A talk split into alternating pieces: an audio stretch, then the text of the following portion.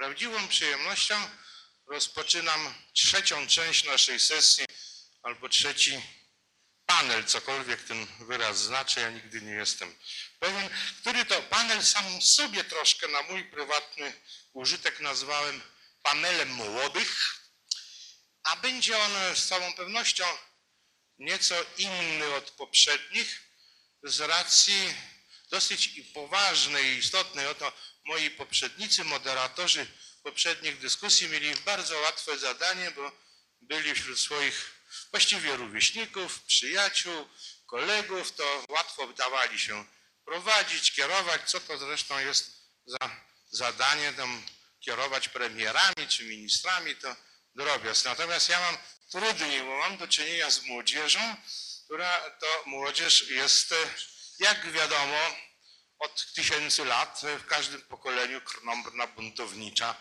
i starych i tak nie słucha.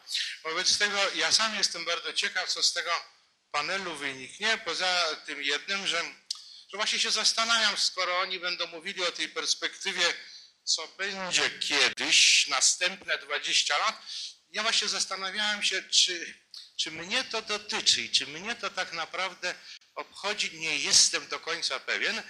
No, mam nadzieję, że, że może tak, że jednak to właśnie siedzą ci, którzy tę emeryturę moją wypracują, z której ja jeszcze będę korzystał. Pewności do końca nie mam. Proszę Państwa, jest to panel y, y, właściwie najrozmaitszych, zróżnicowanych, niejednorodnej jakiejś organizacji, uczestników, działaczy najrozmaitszych młodych organizacji pozarządowych.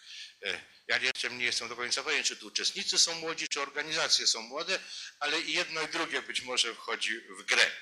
E, panel polega na tym, że poszczególne osoby, przedstawiciele e, poszczególnych e, organizacji, którzy sami to powiedzą, przyznają się, gdzie oni naprawdę działają, sami będą wygłaszać, mówić to, co mają do powiedzenia, trzymając się tego generalnego tematu następne 20 lat. I y, pierwszy występ, pierwszy występ to jest związany z projektem, o ile dobrze pamiętam, społecznym Wędrujące pytanie o wolność, a głos oddaję teraz panu Mateuszowi Halawie, który przedstawi swoich współuczestników tego projektu. Dziękuję bardzo panie profesorze. Dziękujemy bardzo za zaproszenie. Z nam wspaniale tutaj być e, z Państwem wszystkimi. E, dobrze, już e, to jest może część mojego buntu albo krnąbrności, że odmawiam współpracy z mikrofonem. Chciałem od razu przedstawić współtwórców projektu. To jest projekt Wędrujące Pytanie o Wolność, który dopiero zaczynamy. Zaczynamy go prowadzić z Pracownią Badań i Innowacji Społecznych Stocznia oraz z inicjatywą Razem 89, dzięki której tutaj jesteśmy. A współtwórcy tego projektu to Katarzyna Julia Olesińska, Bartosz Stodulski e, i Paulina Jędrzejewska. Paulina jest też e, autorką filmu, który będziemy Państwu pokazywać, e, no ale to za chwilę, to będzie niespodzianka. W skrócie, o czym jest nasz projekt? Ten projekt, który nazywa się Wędrujące Pytanie o Wolność, jest próbą zaangażowania młodych Polaków, czyli nas wszystkich, we wspólną dyskusję o przyszłości Polski, czyli też to, co chcielibyśmy zrobić tutaj dzisiaj, no to jest trochę zmienić wektor tej rozmowy i zastanowić się, e, no dobrze, to co dalej, co, co z następnymi 20 latami. E, to jest projekt o tym, czym jest i czym może być wolność dzisiaj i czym wolność może się stać.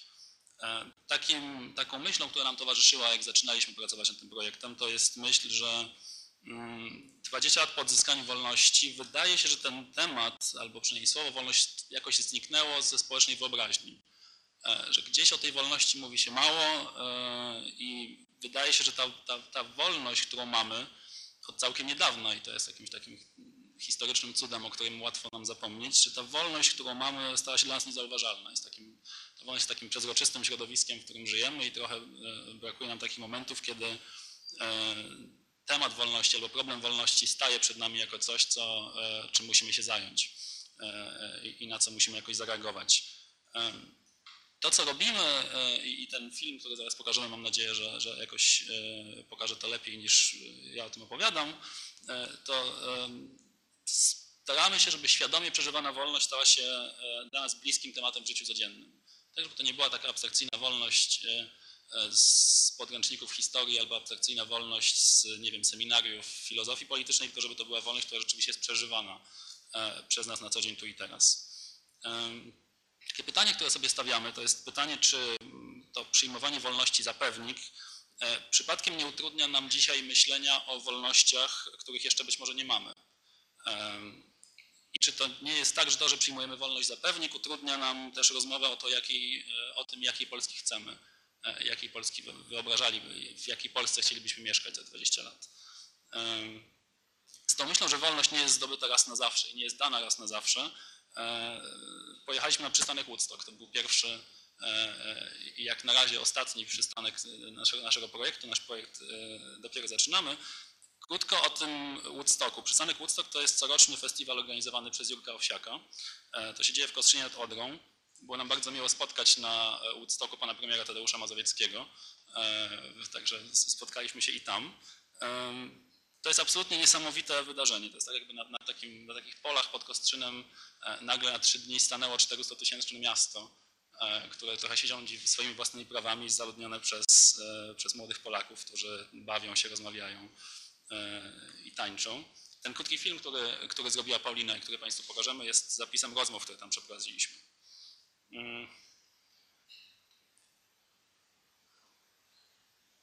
Ci uczestnicy Woodstocku, z którymi rozmawialiśmy, bardzo chętnie mierzyli się z pytaniem o wolność, ale okazało się, że o wolności zaskakująco trudno mówić.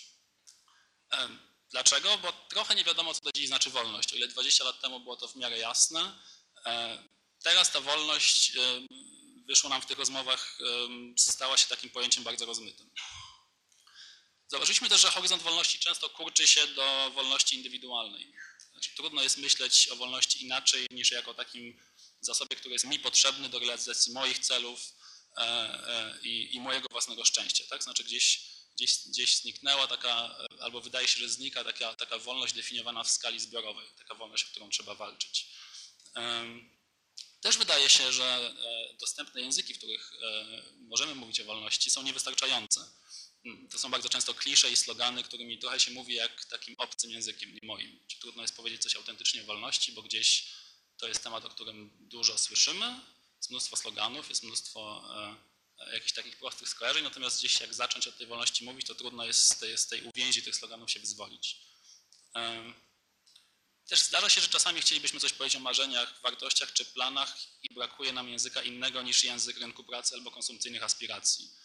E, Jest trochę tak, że te języki mówią nami, a nie my tymi językami i to, co my robimy w wędrującym pytaniu o wolność, to staramy się szukać nowych języków, które upodmiotowią nas w marzeniach o Polsce i w marzeniach o wolności.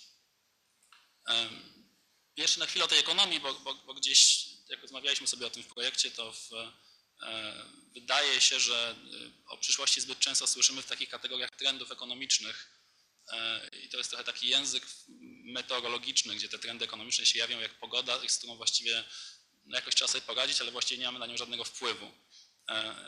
Tymczasem przecież mamy e, wpływ na to, jaka będzie przyszłość i, i, i dlatego szukamy języków wyartykułowania e, marzeń, planów e, i aspiracji, żeby odzyskać albo znaleźć, albo wzmocnić poczucie sprawczości.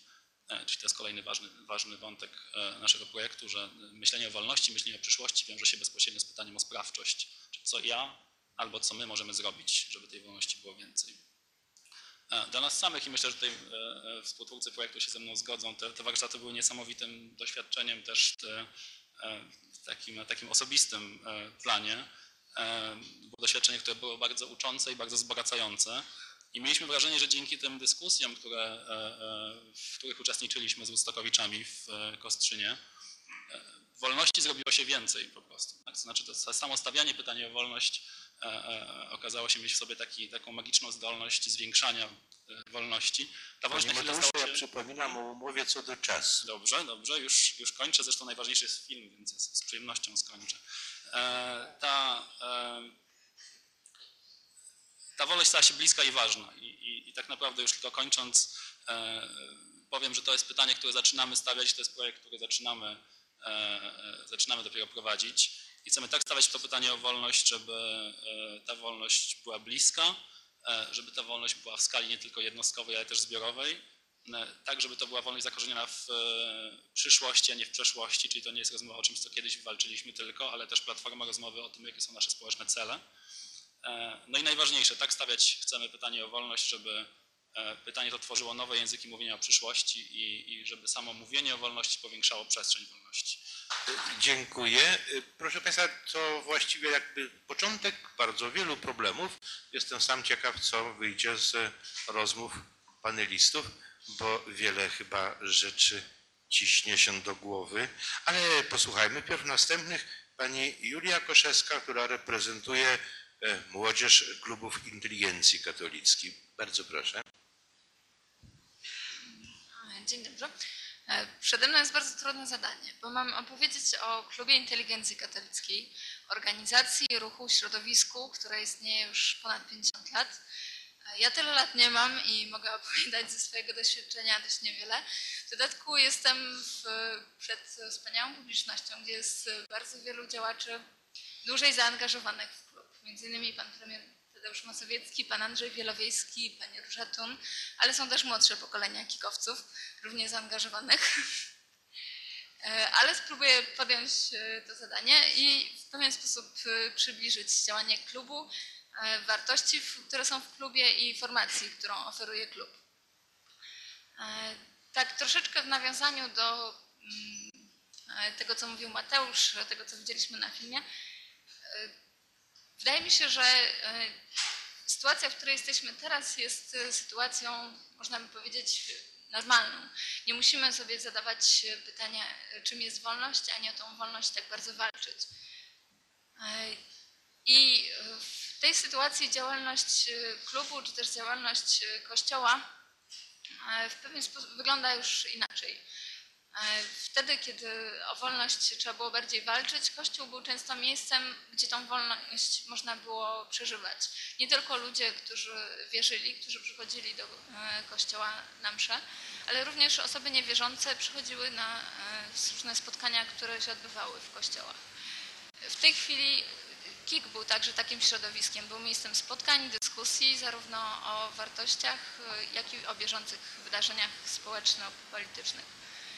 W tej chwili takich środowisk jest dużo więcej. Jest to nie tylko jedna organizacja, Klub Inteligencji Katolickiej, ale bardzo wiele zarówno e, środowisk czy organizacji, e, które umożliwiają takie dyskusje intelektualne, ale również e, wiele grup religijnych, gdzie takie dyskusje są możliwe i prowadzone. To, co jest ważną wartością w klubie jest to, że klub zawsze był zaangażowany. Zaangażowany zarówno w e, życie w kościele, e, w życie klubowe oczywiście, e, ale także w życie dla świata i e, na zewnątrz. Formacja, którą e, klub oferuje i, wart i wartości, które są w klubie, są wartości, to jest formacja przygotowująca do społecznego zaangażowania i do odpowiedzialnego przeżywania e, całego świata, życia swojego. Wartości e, te wzięły się w klubie e, z e, przedwojennych organizacji katolickich, takich jak Solidarycja Mariańska Odrodzenie, w które było zaangażowane wielu działaczy, założycieli klubu. I wartości zaangażowane także, mm, zakorzenione w odnowę już w sensie litur, religijnym, liturgiczną i ruch biblijny jeszcze przed e, Soborem Watykańskim II. E, Wartości społeczne wyniesione były także z doświadczenia wielu działaczy w e, walki, dosłownej walki o wolność, e, na przykład w AK, e, ale także już powojennych działań e, i działania w wolność obywatelską i demokratyzację Polski. E, Klub jest specyficznym środowiskiem, bo z jednej strony jest ruchem i bardzo związany, jest, był częścią, jest e, ciągle częścią środowiska e, Znaku razem z redakcjami Tygodnika Powszechnego, Więzi, Znaku oczywiście także, E, ale jest także organizacją już od początku swojego istnienia, organizacją pozarządową. Więc y, z jednej strony mamy instytucjonalność i taką osobowość prawną, a z drugiej strony jesteśmy ruchem ciągle rozwijającym się, ruchem społecznym i religijnym. Specyfiką e, formacji klubowej jest e, na przykład e, wychowanie, zaangażowanie całych rodzin w wychowanie i tu zwłaszcza sekcji, klubow, e, sekcji rodzin klubowej, gdzie e, współra- współpracy z rodzicami była częścią wychowywania dzieci.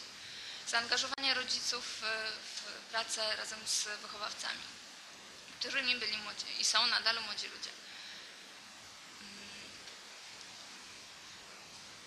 Postawa, która, y, której uczy KIK y, i reprezentowana przez y, działaczy klubowych, to postawa otwartości na świat. Świat, który jest miejscem spotkań z Bogiem i spotkań z innymi ludźmi. A, a właściwie w tych spotkaniach także spotkań z Bogiem. Otwartości na pojednanie między ludźmi, między religiami, dialog ekumeniczny z innymi chrześcijanami. I te projekty były często w klubie realizowane jako dość innowacyjne w y, społeczeństwie. Klub także był y, zaangażowany w takie działania nie tylko w Polsce, ale także za granicą. Klub y, jest członkiem ruchu intelektualistów i studentów katolickich Pax Romana międzynarodowego, ale także ruchu Pax Christi.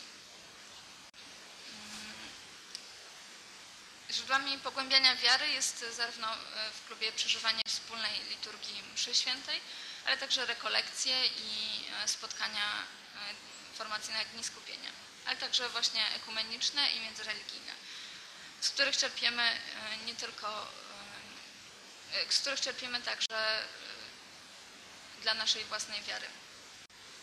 Członkowie klubów są z bardzo różnych środowisk, zarówno politycznych, jak i religijnych. Należą do różnych partii politycznych i należeli, e, ale także do różnych e, ruchów religijnych, takich jak Odnowa w Duchu Świętym czy Neokatechumenat. I e, wartości wyniesione także z działania w tamtych ruchach często przenoszą na środowisko, do środowiska klubowego. W formacji ważne, klubowej ważne są dwie zasady. Że wszelkie działanie powinno wynikać z wiary, a nie wiara powinna być, a nie wiara wykorzystywana do innych celów. E, I także z powołania do działania, do szerzenia dobra. E, Klub, y, środowisko klubowe działa nie tylko dla siebie, ale także na zewnątrz.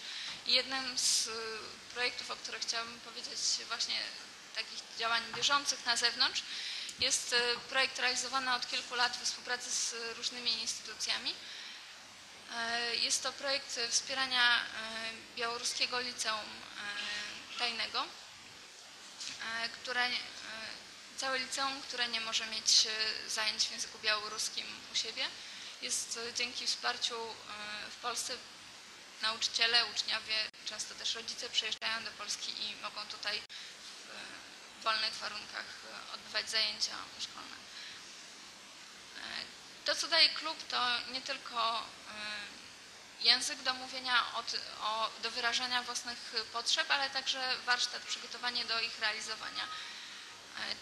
To, czego uczymy się w klubie, to to, że jeśli mamy jakiś pomysł, mamy potrzebę odnośnie tego, jak powinno wyglądać życie w społeczeństwie, nie czekamy, aż ktoś to zrealizuje za nas. E, Nie zawsze e, czekamy, aż e, politycy wpadną na ten fantastyczny pomysł, tylko często z inicjatyw społecznych realizujemy i jako oddalne inicjatywy. Jest to wyraz odpowiedzialności za życie w społeczeństwie i za świat. Klub jest także zaangażowany w wiele inicjatyw społecznych, które wychodziły ze środowiska klubu.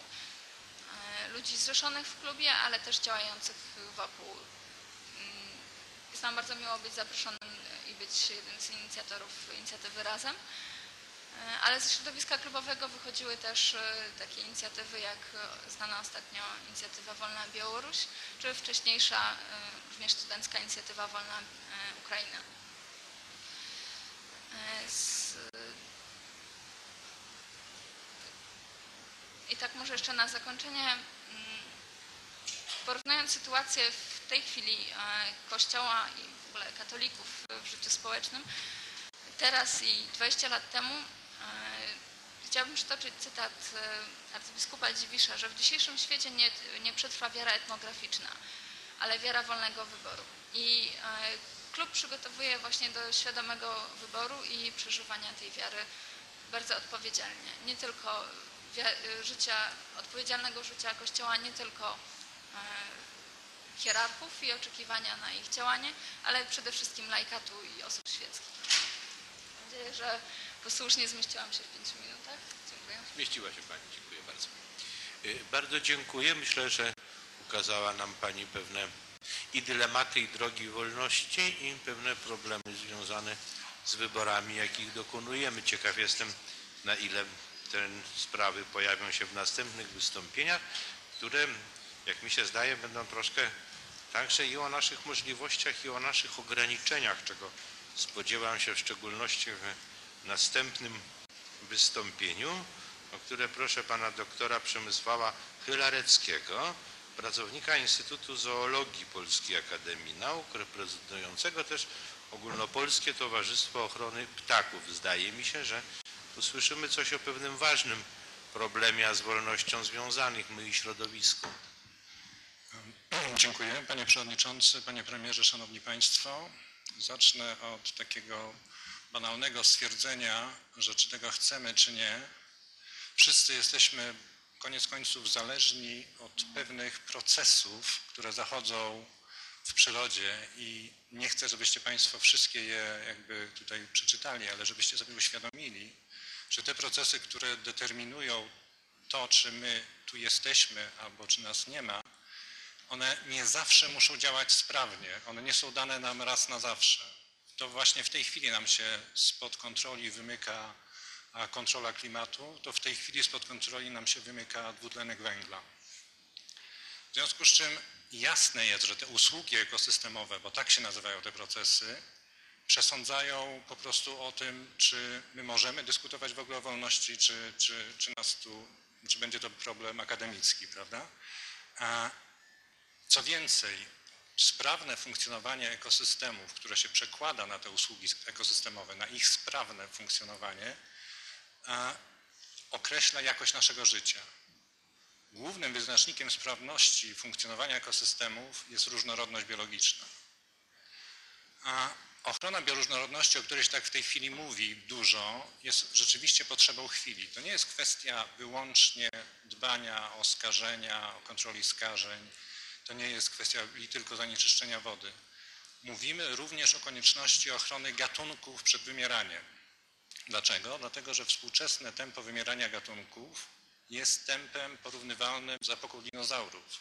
To nie jest mój wymysł, takie są ewidentne obliczenia. Ono jest w tej chwili tysiąc razy większe od, od tempa wymierania tła w historii w zapisie kopalnym. Sprawcą tego szóstego masowego wymierania w historii jest oczywiście człowiek.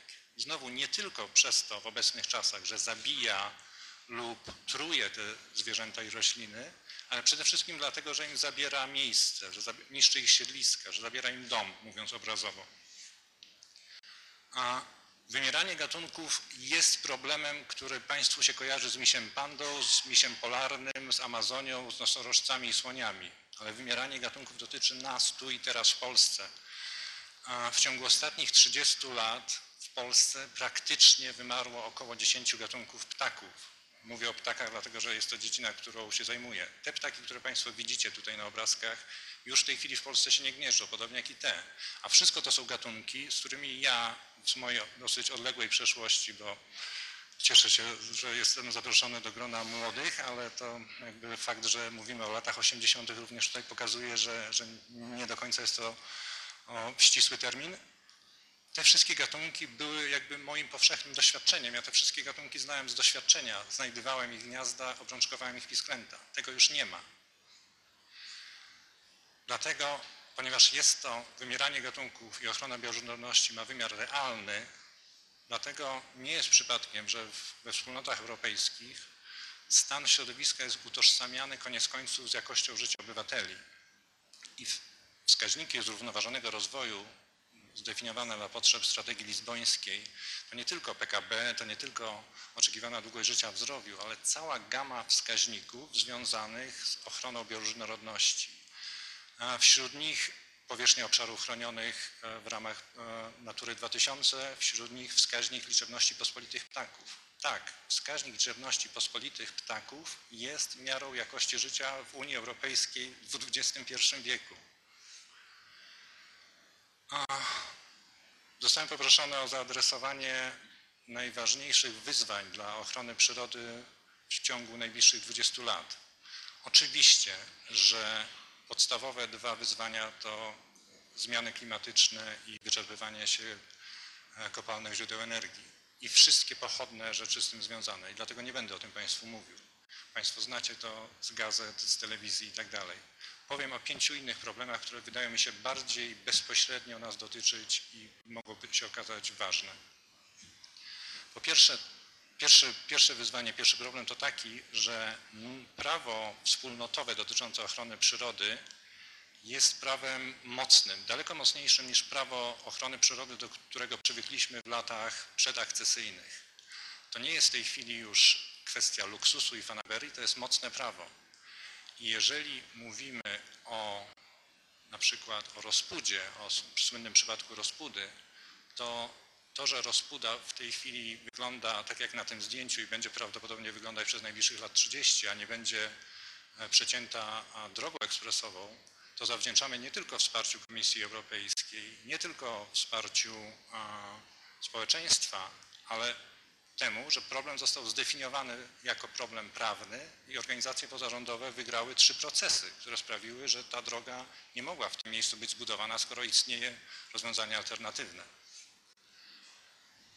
Drugi problem, z którym się musimy zmierzyć, oprócz tego pierwszego, o którym powiedziałem, że musimy zinternalizować pojęcie ochrony przyrody jako pojęcie prawne. To jest konieczność. Drugi problem to jest kwestia krajobrazu rolniczego. Ogromna większość powierzchni Polski to jest krajobraz rolniczy. To przesądza o tym, e, jak czujemy przyrodę, co widzimy z okien samochodu, jak funkcjonujemy. Co ważniejsze, ten krajobraz to jest miejsce, gdzie rodzi się, który ma ogromne znaczenie siedlisko e, jakby w kontekście przyrodniczym. Od tego zależy, czy mamy powodzie, od tego zależy, e, jak czystą mamy wodę, od tego zależy, jak zdrowa jest żywność, którą jemy. W związku z czym uprawnione absolutnie jest twierdzenie, że to, co się dzieje z krajobrazem rolnym, nie jest kwestią wyłącznie e, rolników i rolnictwa. To jest problem nas, nas wszystkich obywateli, bo to koniec końców przekłada znowu na jakość naszego życia.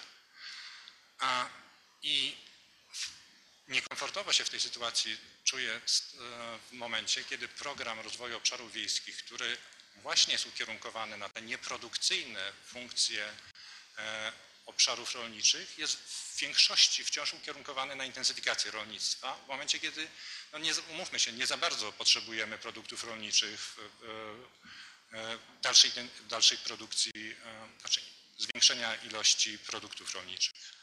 W roku 2008 produkt PKB Polski pochodzący z turystyki, a więc również turystyki kierowanej na obszary rolnicze, było większe niż PKB pochodzące z produkcji rolnej. Tak od dawna już jest w Anglii, ale od roku jest już i w Polsce. Musimy na nowo zdefiniować krajobraz rolniczy w kategoriach nie tylko produkcyjnych. Trzeci duży problem, który widzę, to kwestia związana z e, dostępnością wody, rzekami i powodziami. W obliczu zmian klimatu wszyscy widzimy, że, że kwestia suszy i powodzi nie jest kwestią abstrakcyjną. Te, te zjawiska są częstsze i, i mają większe natężenie niż kiedykolwiek. Mamy jeszcze drugi element. To, że każdy deszcz, każdy większy deszcz, każda większa burza w obliczu wzrostu powierzchni utwardzonych w naszych miastach przeradza się w kataklizm, zalewanie metra, zalewanie ulic i tak. I co z tym wszystkim robimy? Robimy otóż ro, robimy business as usual.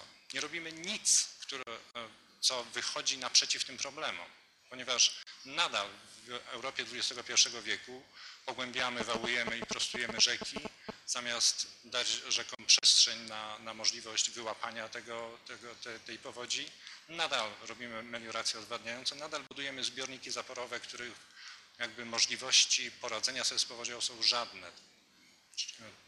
odwołuję się teraz do Nieszawy, która jest nowym e, oczkiem w głowie, e, okej, które, która się pojawiła Deus Ex Machina.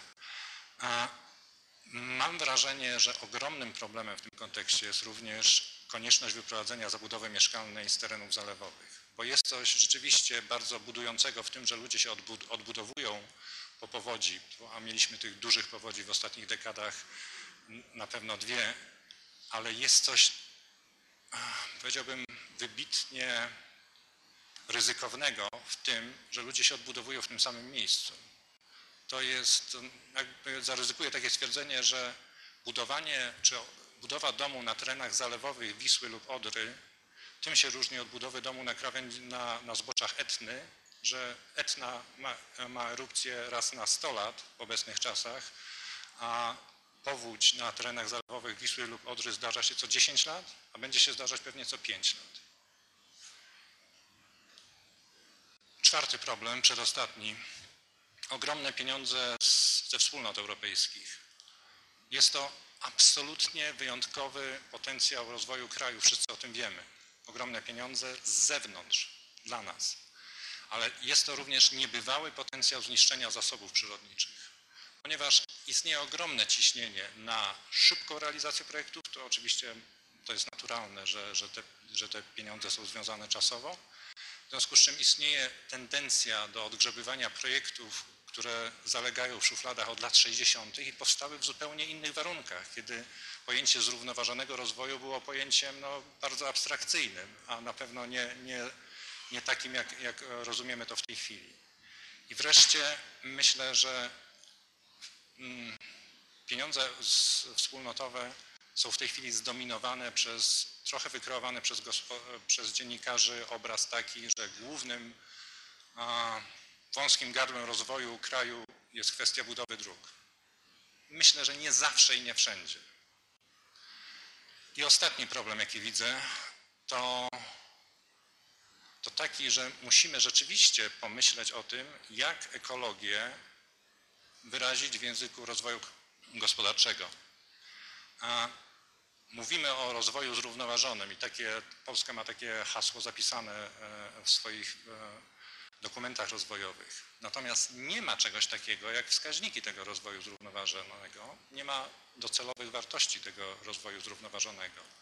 I okej, możemy nadal tak jakby kierować się ku rozwojowi zrównoważonemu, kierując i patrząc, w, tak jak ten kierowca, który patrzy w lusterko wsteczne i, i, i, i konkluduje, że jest na drodze, bo nadal w lusterku wstecznym widzi linię środkową jezdni. Ale ja mimo wszystko preferowałbym taki układ, w którym patrzymy w przód i, i trzymamy się tych linii e, bocznych drogi i linii centralnej, które są zdefiniowane przez odpowiednio dobrane wskaźniki. I te wskaźniki, które Państwo widzicie tutaj wytłuszczone, to nie są wskaźniki, które się wzięły e, z Marsa. To są wskaźniki zrównoważonego rozwoju Wielkiej Brytanii, kraju wspólnotowego. Moim osobistym hitem jest ten wskaźnik, wskaźnik udziału nowych zabudowań stawianych na gruntach e, już zabudowanych, czyli recykling e, gruntów pod zabudowę. To jest dokładnie coś odwrotnego niż widzimy w tej chwili w Polsce. Absolutnie coś odwrotnego. A, I zakończę tym, że absolutnie nie mam zielonego pojęcia, czy tym wyzwaniom sprostamy, ale myślę, że byłoby dobrze, gdybyśmy, gdyby to nam się udało, bo to jest w interesie nas wszystkich. Dziękuję bardzo.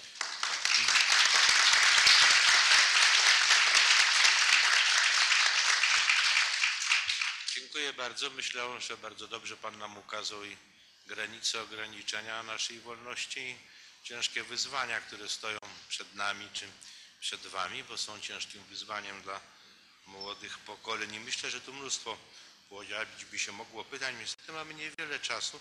Czekają nas jeszcze dwa wystąpienia panelowe, które pozwalam sobie twardo ograniczyć do 6 minut za każdym razem góra, ponieważ chciałbym, żeby zostało przynajmniej 6 do 8 minut na jakieś pytania, jakąś dyskusję, jakieś wypowiedzi. Ergo teraz po 6 minut, które będę odliczał z zegarkiem w ręku. Pan Dariusz Żuk, Akademicki Laboratorium Przedsiębiorczości. Proszę bardzo. Można? co? Tak wygodniej. Jak pan, jak pan sobie życzy? Wolno, pod tym względem jest wolność. Nie przesadna, ale Zaczynam, ale się robić w czasie. Szanowni Państwo, bardzo dziękuję za zaproszenie. E, chciałbym powiedzieć, że moim zdaniem nie ma przedsiębiorczości, którą się zajmuje bez wolności. I chyba odwrotnie. Tak samo. Ja myślę, że przedsiębiorczy, jak samo słowo mówi, to jest przedsiębrać, brać się za siebie. My tu przedsiębiorcze staramy się od 7 lat w Polsce propagować, rozwijać i rozszerzać. Dlatego początkowo powstał Akademicki Inkubator Przedsiębiorczości, a obecnie od dwóch lat również program Polska Przedsiębiorcza. Cała strategia program dla Polski Przedsiębiorczej, którą chcę Państwu dzisiaj troszeczkę przybliżyć. Ale na początku chciałbym e, w imieniu Polski Przedsiębiorczej, Akademickiego Inkubatoru Przedsiębiorczości, młodych przedsiębiorców e, bardzo mocno podziękować i wyrazić słowa uznania panu premierowi Tadeuszowi Mazowieckiemu za to, że postawił grubą kreskę, za to, że kreujemy przyszłość i kreował przyszłość, a nie przeszłość, za to, że jesteśmy w kraju wolnym, w którym możemy realizować swoje pasje, swoje marzenia. O tym naprawdę niektórzy mogą tylko pomarzyć na świecie, a my to mamy. Dziękuję panie premierze bardzo serdecznie.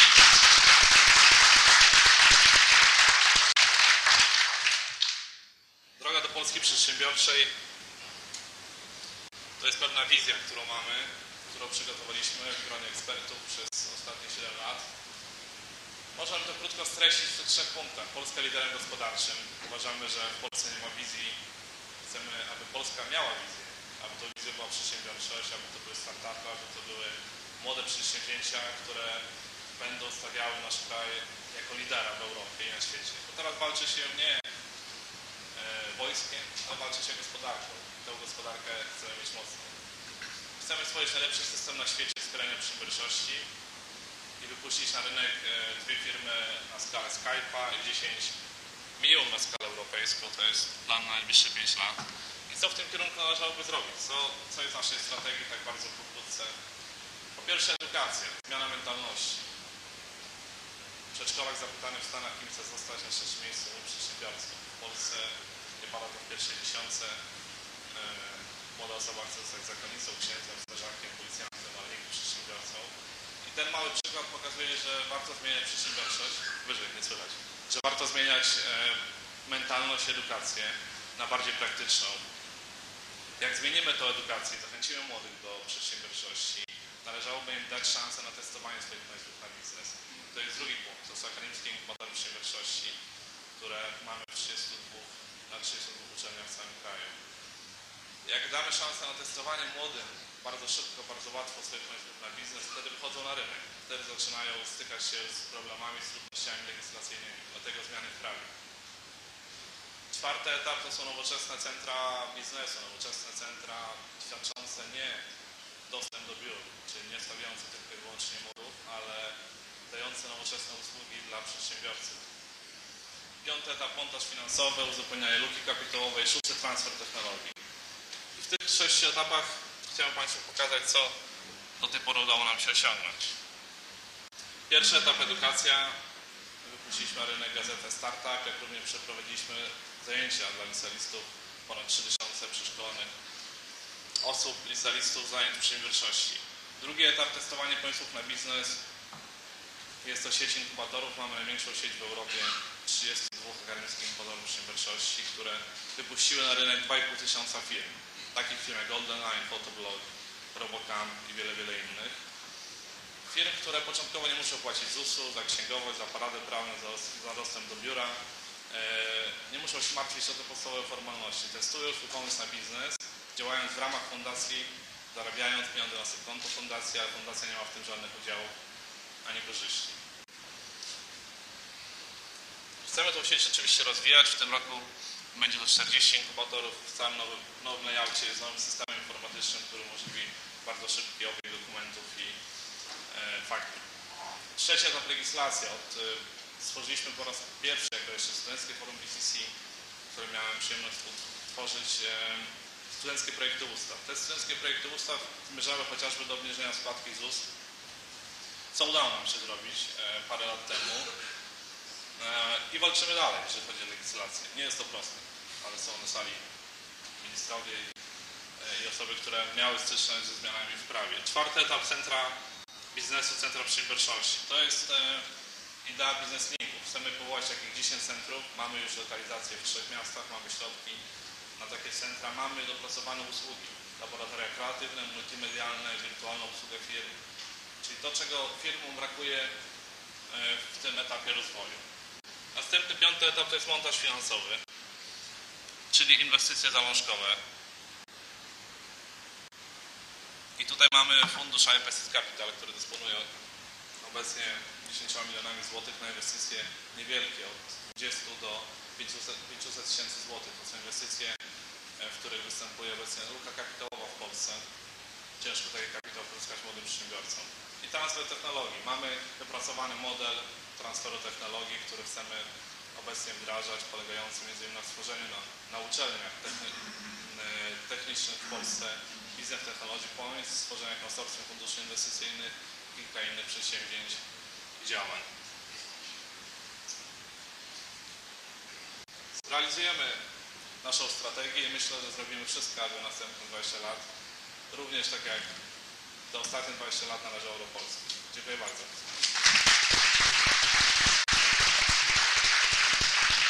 Dziękuję, dziękuję bardzo. Pana znakomitej przedsiębiorczości świadczy fakt, że zmieścił się Pan w czasie.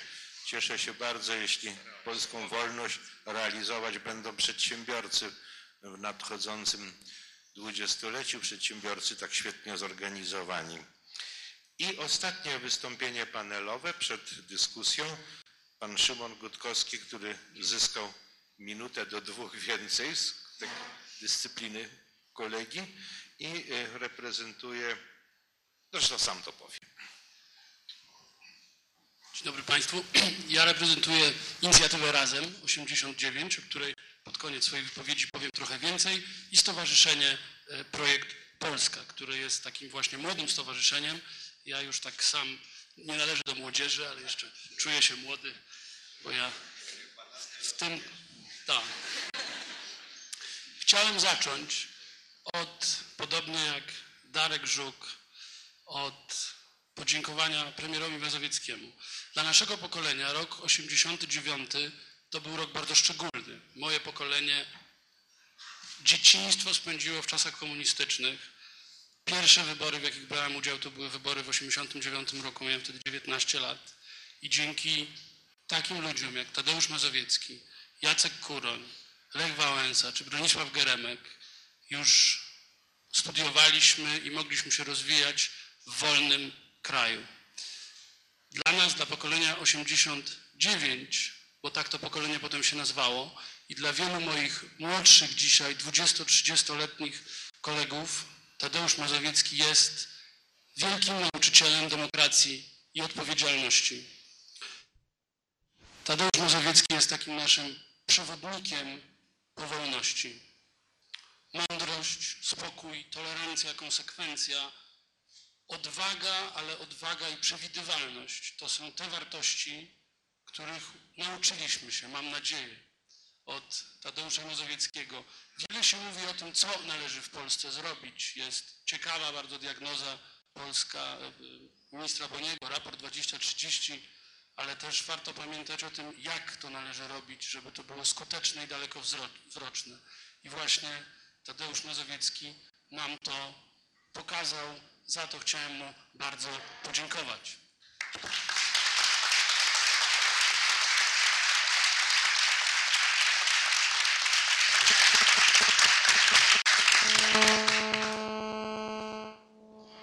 Staraliśmy się ten plakat z, w taki sposób plakatowy y, zorganizować, ponieważ przed nami występowali ludzie, którzy ukształtowali naszą teraźniejszość. W związku z tym my, y, samo nasze uczestnictwo dzisiaj jest taką, taką niewielką w związku z tym, bo nie wiemy, czy to akurat my będziemy mieli wpływ na przyszłość, chociaż pewnie każdy z nas by chciał. Y, Dlatego zaczęliśmy y, ten panel właśnie od pytania y, o, o wolność. Wydaje się, że to jest dla młodego pokolenia bardzo ważne pytanie. I usłyszeliśmy, że jednym z języków w których myśli się o wolności, jest język gospodarczy i patrzymy wyłącznie na perspektywę gospodarczą. Dlatego zależało nam, żeby e, pokazać też e, KIK, pokazać, tak, e, pokazać organizację, chociaż powołana wiele lat temu, to bardzo prężnie prowadzona przez ludzi młodych, żeby pokazać, że młode pokolenia to nie tylko konsumpcja, to również potrzeba duchowości i zdajemy sobie sprawę z tego, że bez tej duchowo- bez duchowości e, czy katolickiej, czy innej zupełnie la- laickiej e, po, Polska nie będzie lepsza w przyszłości. E, Środowisko naturalne. Z oczywistych pewnie powodów Polska była krajem bogacącym się, nie było czasu, żeby myśleć o środowisku naturalnym, też nie mieliśmy takich możliwości, żeby je niszczyć. Dzisiaj ten problem wydaje się być jednym z ważniejszych problemów, więc w tej galerii plakatów chcieliśmy też pokazać, że naszemu pokoleniu my będziemy się musieli z tym zmierzyć, jak dalej rozwijać polską gospodarkę, jednocześnie zachowując wspaniałą e, przyrodę, którą w Polsce mamy. E, Gospodarka to też nie jest wyłącznie świat zewnętrzny. Darek Żuk wspaniale pokazał, że każdy może być przedsiębiorcą i że możemy tych przedsiębiorców szukać. Potrzebujemy polskiego Billa Gatesa, potrzebujemy polskiego Steve'a Jobsa, też po to, żeby młodzi ludzie uwierzyli, że mogą zrobić coś na e, skalę e, światową. E, Młodzi ludzie tam w wywiadzie na Woodstock właściwie wyczerpali część z tego, co chciałem powiedzieć. Ja opowiem teraz o inicjatywie Razem, bo chciałem właśnie mówić, że Przyszłość zależy od tego, jak bardzo zaangażujemy się we współpracę i ile rzeczy zrobimy razem, bo to jest kolejna lekcja, którą dostajemy od historii. Okrągły stół, najpierw porozumienia sierpniowe, potem okrągły stół, potem rząd Tadeusza Mazowieckiego i Sejm kontraktowy.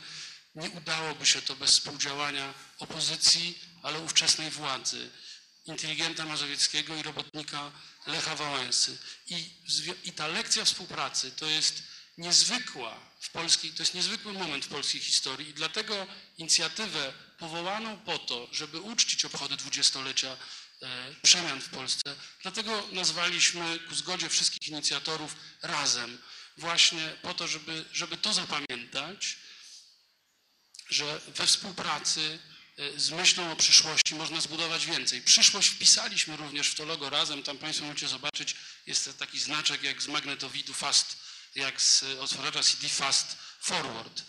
No i sądzimy, że mimo iż wiele rzeczy musi być zrobionych przez rząd, czy musi być zrobionych przez parlament, Polskę można zmieniać organizując się w ramach istniejącego prawa. I to pokazuje 150 organizacji, które zrzeszyły się w ramach Razem. Są to tak duże organizacje jak Fundacja Batorego, czy Polsko-Amerykańska Fundacja Wolności, czy właśnie Wielka Orkiestra Świątecznej Pomocy, Centrum Edukacji Obywatelskiej, Amnesty International, AIP, e, organizacje takie jak właśnie KIK, Projekt Polska i 150 innych organizacji w 50 miastach, które zrobiły ponad 260 wydarzeń wokół 4 czerwca, teraz wokół 12 września. Pamiętamy jeszcze o kolejnych dwóch datach. Wielka reforma polskiej gospodarki, o której dzisiaj było dużo mówione, przełom roku, pakiet ustaw został przegłosowany 18 grudnia i potem reforma wprowadzona 1 stycznia i wielka reforma samorządowa e, 28 maja, o ile pamiętam, pierwsze w Polsce e, wybory samorządowe. To wszystko zrobił rząd premiera Tadeusza Mazowieckiego inicjatywa Razem te kolejne będzie chciała, e, e, jeszcze mam minutę, dwie? E, Te kolejne daty będzie chciała e, przypominać i obchody pozarządowe organizować. Chcielibyśmy, i to jest ostatnia myśl, którą się chciałem Państwem e, podzielić, żeby postawić taką cegiełkę, czy, czy miejmy nadzieję dużą cegłę, e, ku zmianie tożsamości narodowej Polski. Chcemy, żeby Polaków, chcemy, żeby wzbogacić ją o taką pozytywistyczną myśl współpracy i budowania w pokoju. My mamy, my bardzo jesteśmy przywiązani do romantycznej wizji polskiej historii, do tego, że się wspaniale organizujemy w powstaniach, że potrafimy walczyć za wolność naszą i waszą. E, Natomiast myślimy, że to Niemcy, że Czesi, że Skandynawowie potrafią budować w pokoju. A ostatnie 20 lat świadczy o czymś zupełnie innym. I to, co pan premier Pawlak pokazywał, tą krzywą e, wzrostu Polski, to jest sukces wszystkich Polaków, e, którzy uczyli się, pracowali, zakładali e, swoje firmy, płacili podatki. pokazaliśmy i robiąc, przygotowując inicjatywę razem, rozmawialiśmy z korespondentami zagranicznymi i wiemy, że na przykład Niemcy nam tego zazdroszczą. Pokazaliśmy, że umiemy pokojowo budować, bardzo konsekwentnie i umiemy robić to razem, często wbrew y, wojnom czy kłótniom na górze.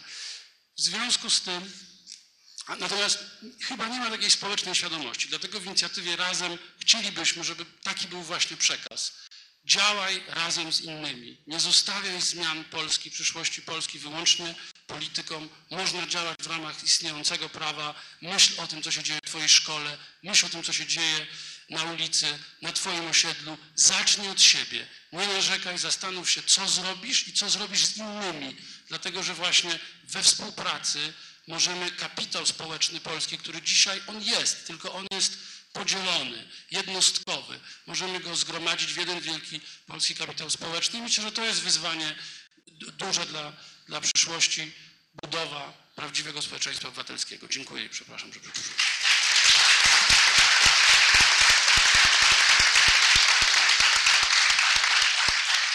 Bardzo dziękuję i wyznam, że nie chciałem panu przerywać z dwóch powodów. Po pierwsze dlatego, że świetnie się pana słuchało. Bardzo z ogromnym, ogromnie na tym zyskałem, ale bardzo panu jestem wdzięczny za coś innego. Pan mnie zwolnił z obowiązku podsumowywania tego wypowiedzi panelistów, ponieważ pan to zrobił i znakomicie, za co bardzo panu dziękuję. Mówię to zupełnie poważnie, to dobrze się złożyło, że pan tak świetnie uwypuklił najważniejsze myśli tego panelu, ale czekamy jeszcze na ewentualne, mamy odrobinę czasu, państwa pytania i uwagi. E, Tu widzę pan Wielowiejski, bardzo proszę, pierwszy pan był i e, mamy mikrofon tam, już chciałem oddać swój, ale bardzo proszę, jest. Dziękuję bardzo, panie rektorze. I, i dziękuję panelistom, dla- którzy dali nam dobry przegląd wyzwań, które stoją i które rozumie, widzi i rozumie. Mam nadzieję. Chyba tak. Raczej mam przekonanie, że w dużym stopniu widzi i rozumie te wyzwania, które przed nami stoją. I ja w tej chwili nie chcę wykonać na was ataku, czy jakiejś tam krytyki, ani czasu nie ma na to.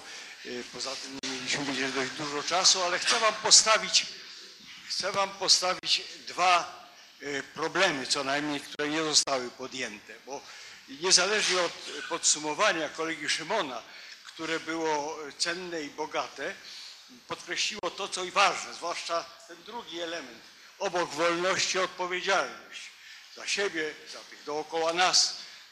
Trzeba dodać to słowo, chodzi przecież o obywatelskość, prawda?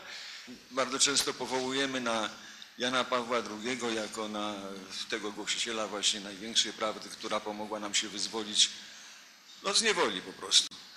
E, Całą prawdę osiągnąć to nie sposób, ale uważam, że można się posługiwać tylko prawdą, a więc nie zniekształcając żadnej wypowiedzi.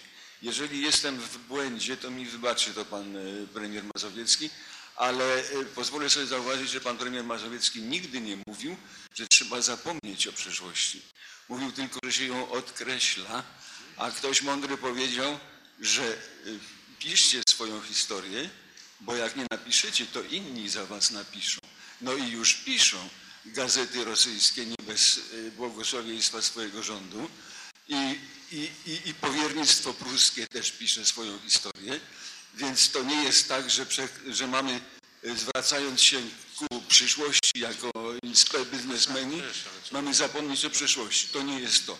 Druga sprawa, tutaj chciałem się odnieść do pani, która reprezentuje e, szacowny KIK. Otóż e, sposób, w jaki traktujemy Pawła, Jana Pawła II coraz bardziej przypomina mm, sposób, w jaki traktujemy dawne mm, gwiazdy sportowe. To jest nasz papież i tylko ten papież miał rację.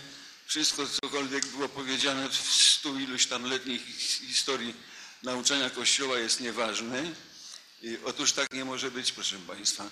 Jest wiele zdań, które ten papież wypowiedział i których my w ogóle nie znamy. My ciągle się opieramy na jednym emocjonalnym zdaniu, jeszcze które powiedział w PRL-u. Niech stąpi duch Twój i odnowi oblicze tej ziemi. A Bardzo przepraszam, ale mija trzy minuty. tak, już kończę. A praktycznie to się sprowadza do tego, że niech duch wstąpi, niech zakaże rękawy, niech robi co trzeba, a ja się będę przyglądał, a niech spróbuje zrobić błąd, ja przestanę wierzyć.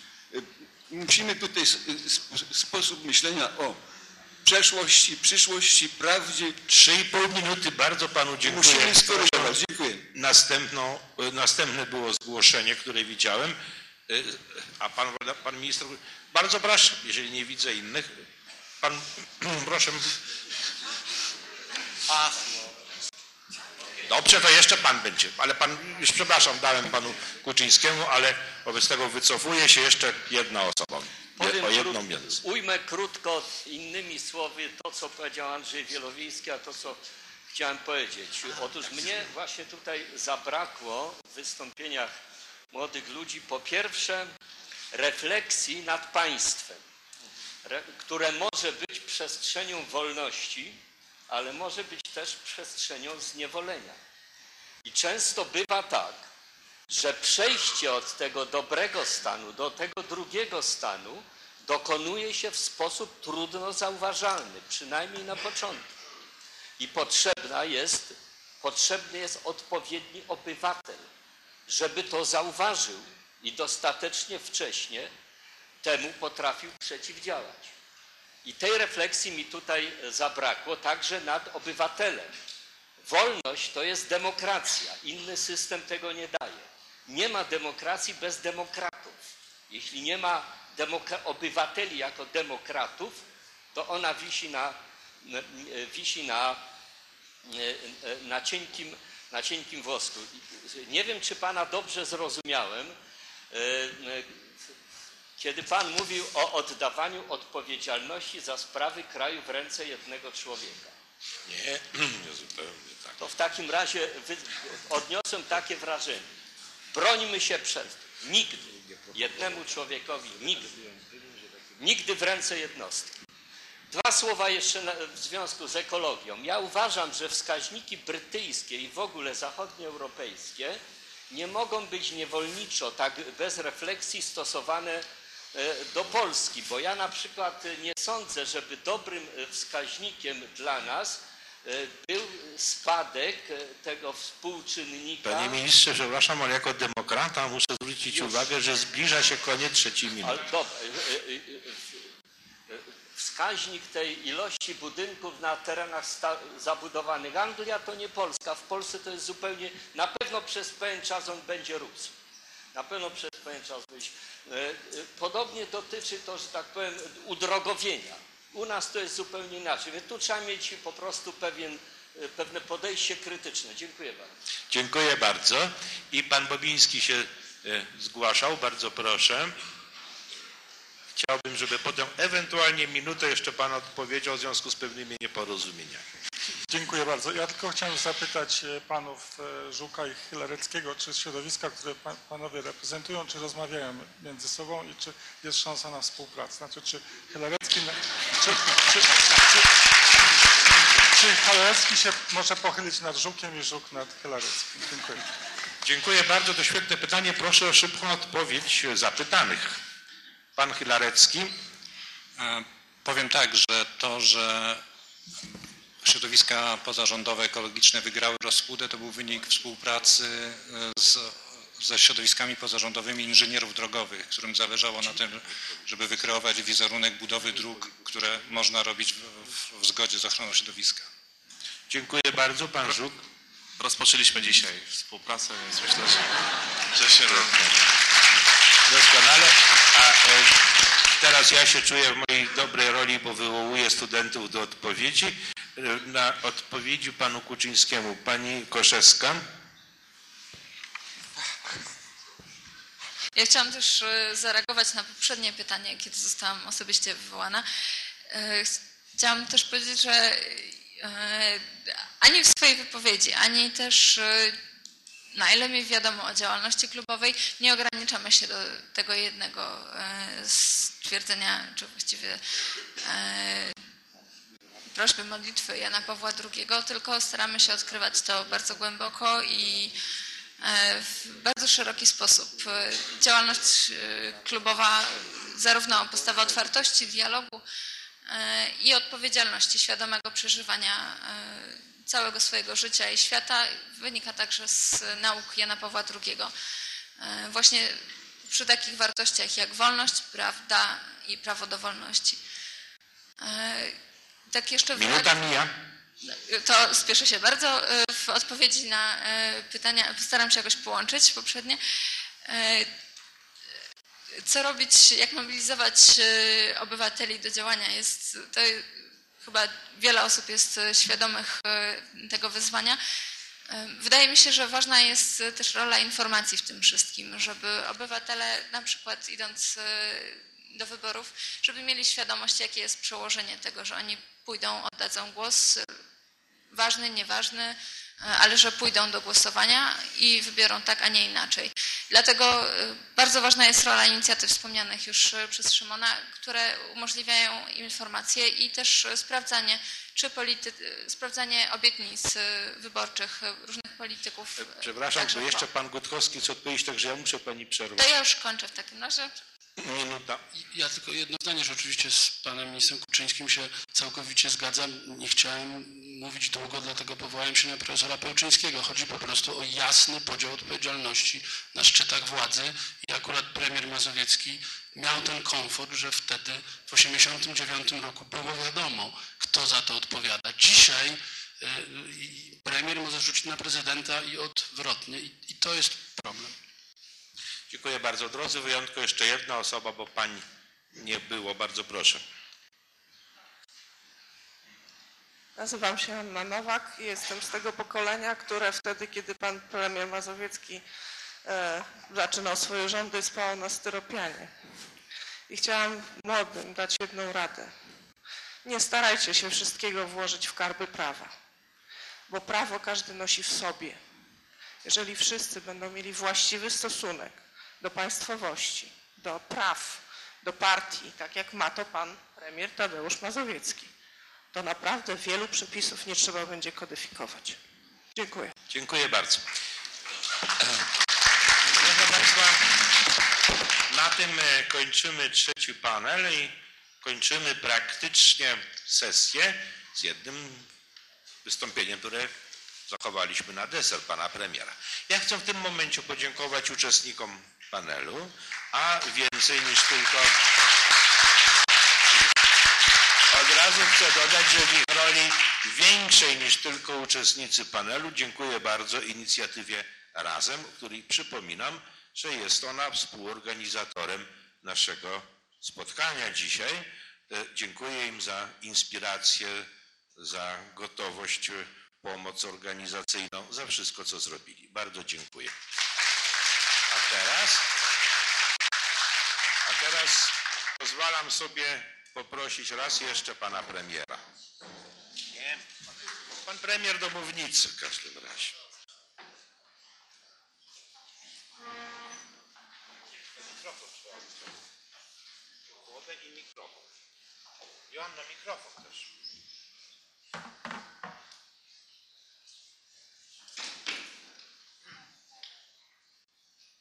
Pan dyrektor powiedział, że moje wystąpienie będzie na deser, więc chciałem przeprosić, to będzie bardzo skromny deser.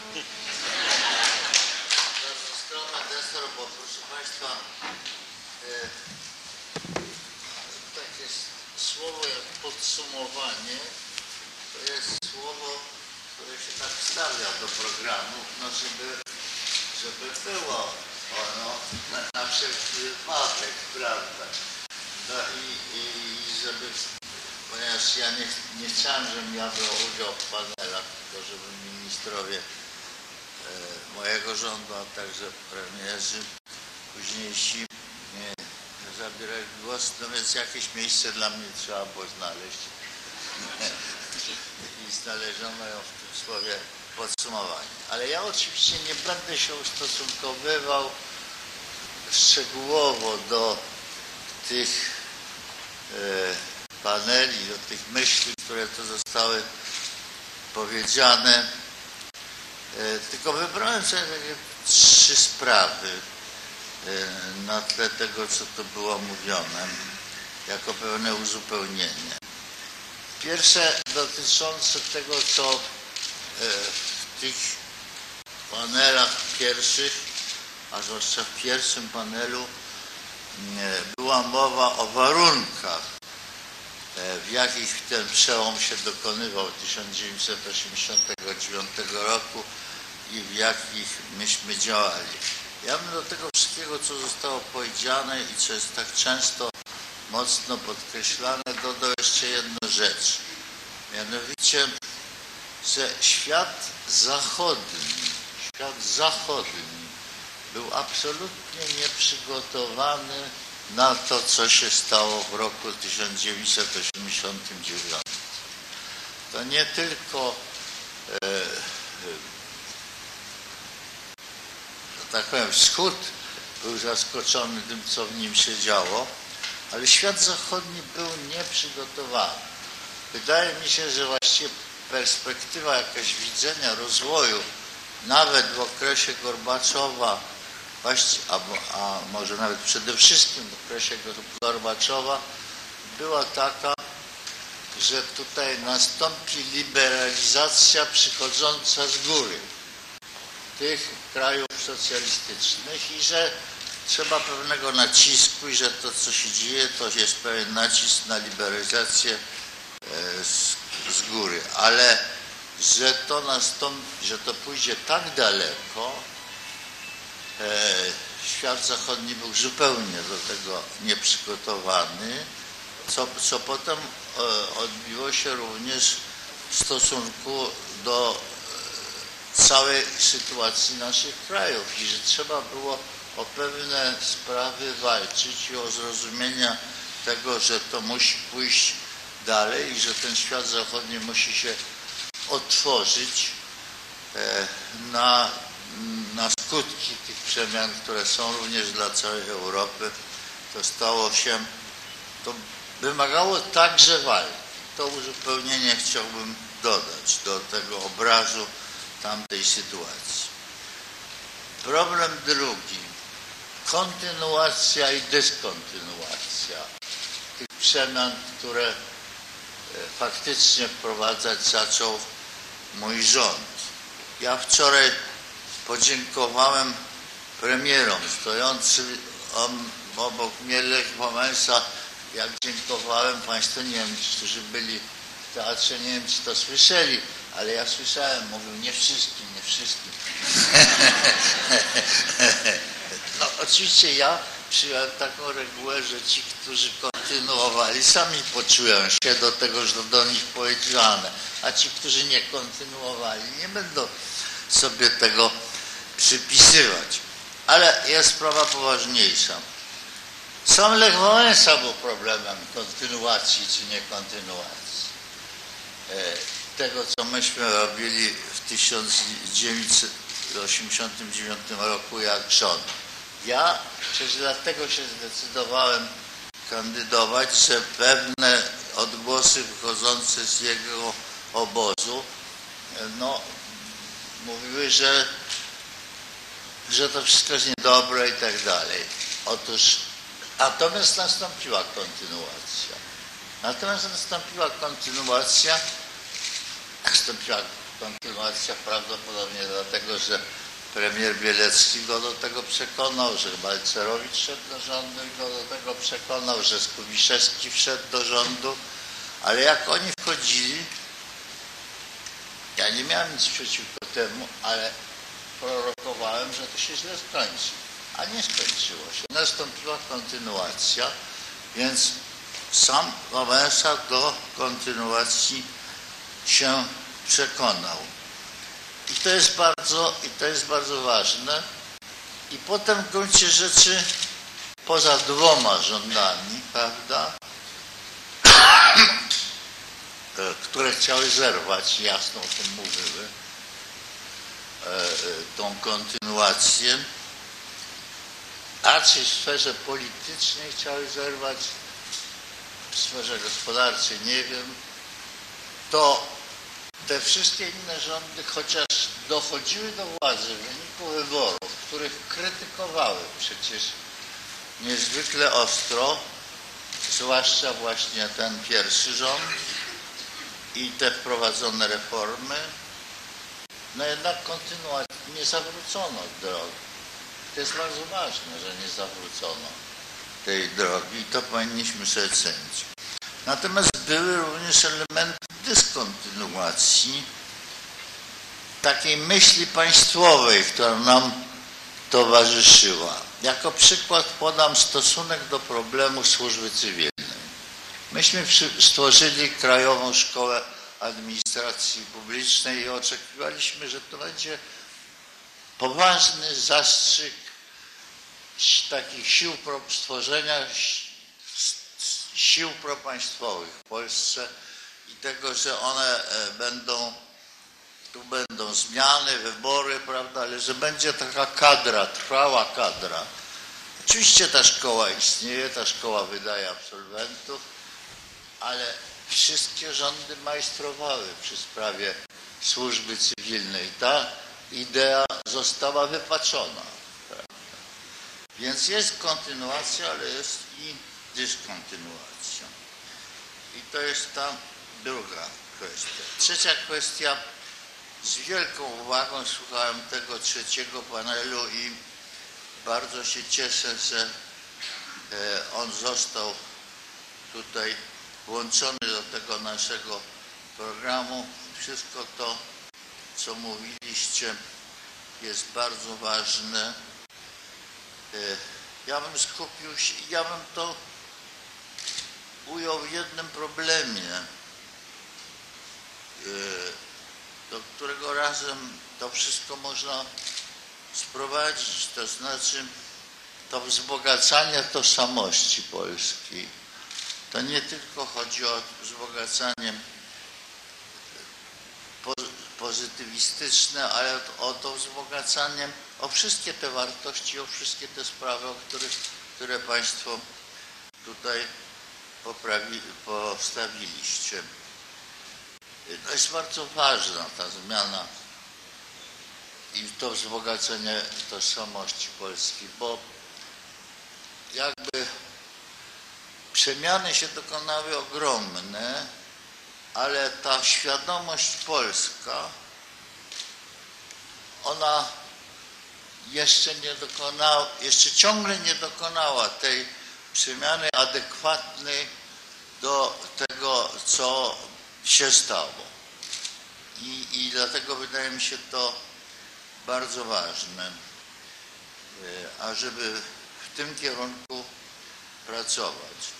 Ja byłem na tym Woodstocku, jak tu mówiono, byłem pod ogromnym wrażeniem tych, tych, tego, tych 400 tysięcy młodzieży w życzliwej atmosferze, e, e, e, pełnej wolności, radości, uśmiechu i tak. No i tego, tego nam bardzo potrzeba.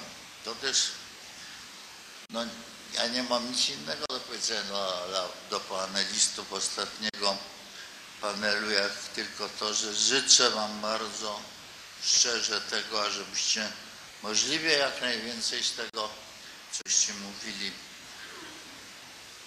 wcielili w życie. I kończąc, chciałbym bardzo podziękować, bo to już trzeci dzień świętujemy.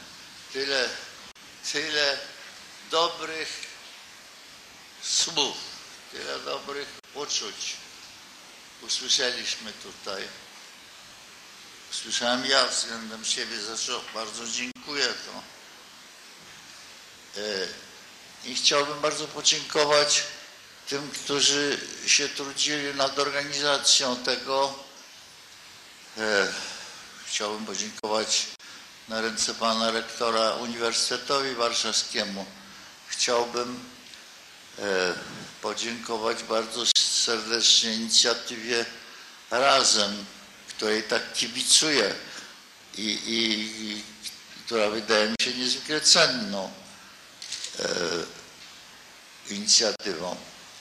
I chciałbym podziękować temu społecznemu komitetowi obywatelskiemu składającemu się z czterech osób, pani Izydzie Duszyckiej, Jacka Ambrosiaka, Jana Dworaka i Krzysztofa Śliwińskiego. Zdaje się, że jesteś jedynym w tej chwili przy... Tak? I... ale wymyśliłeś tą nazwę, ale myśmy mieli inną nazwę. Miało się to nazywać Samozwańczy Komitet Obywatelski. Więc dziękuję w tym trzem instytucjom. Dziękuję bardzo. To były trzy bardzo dobre dni.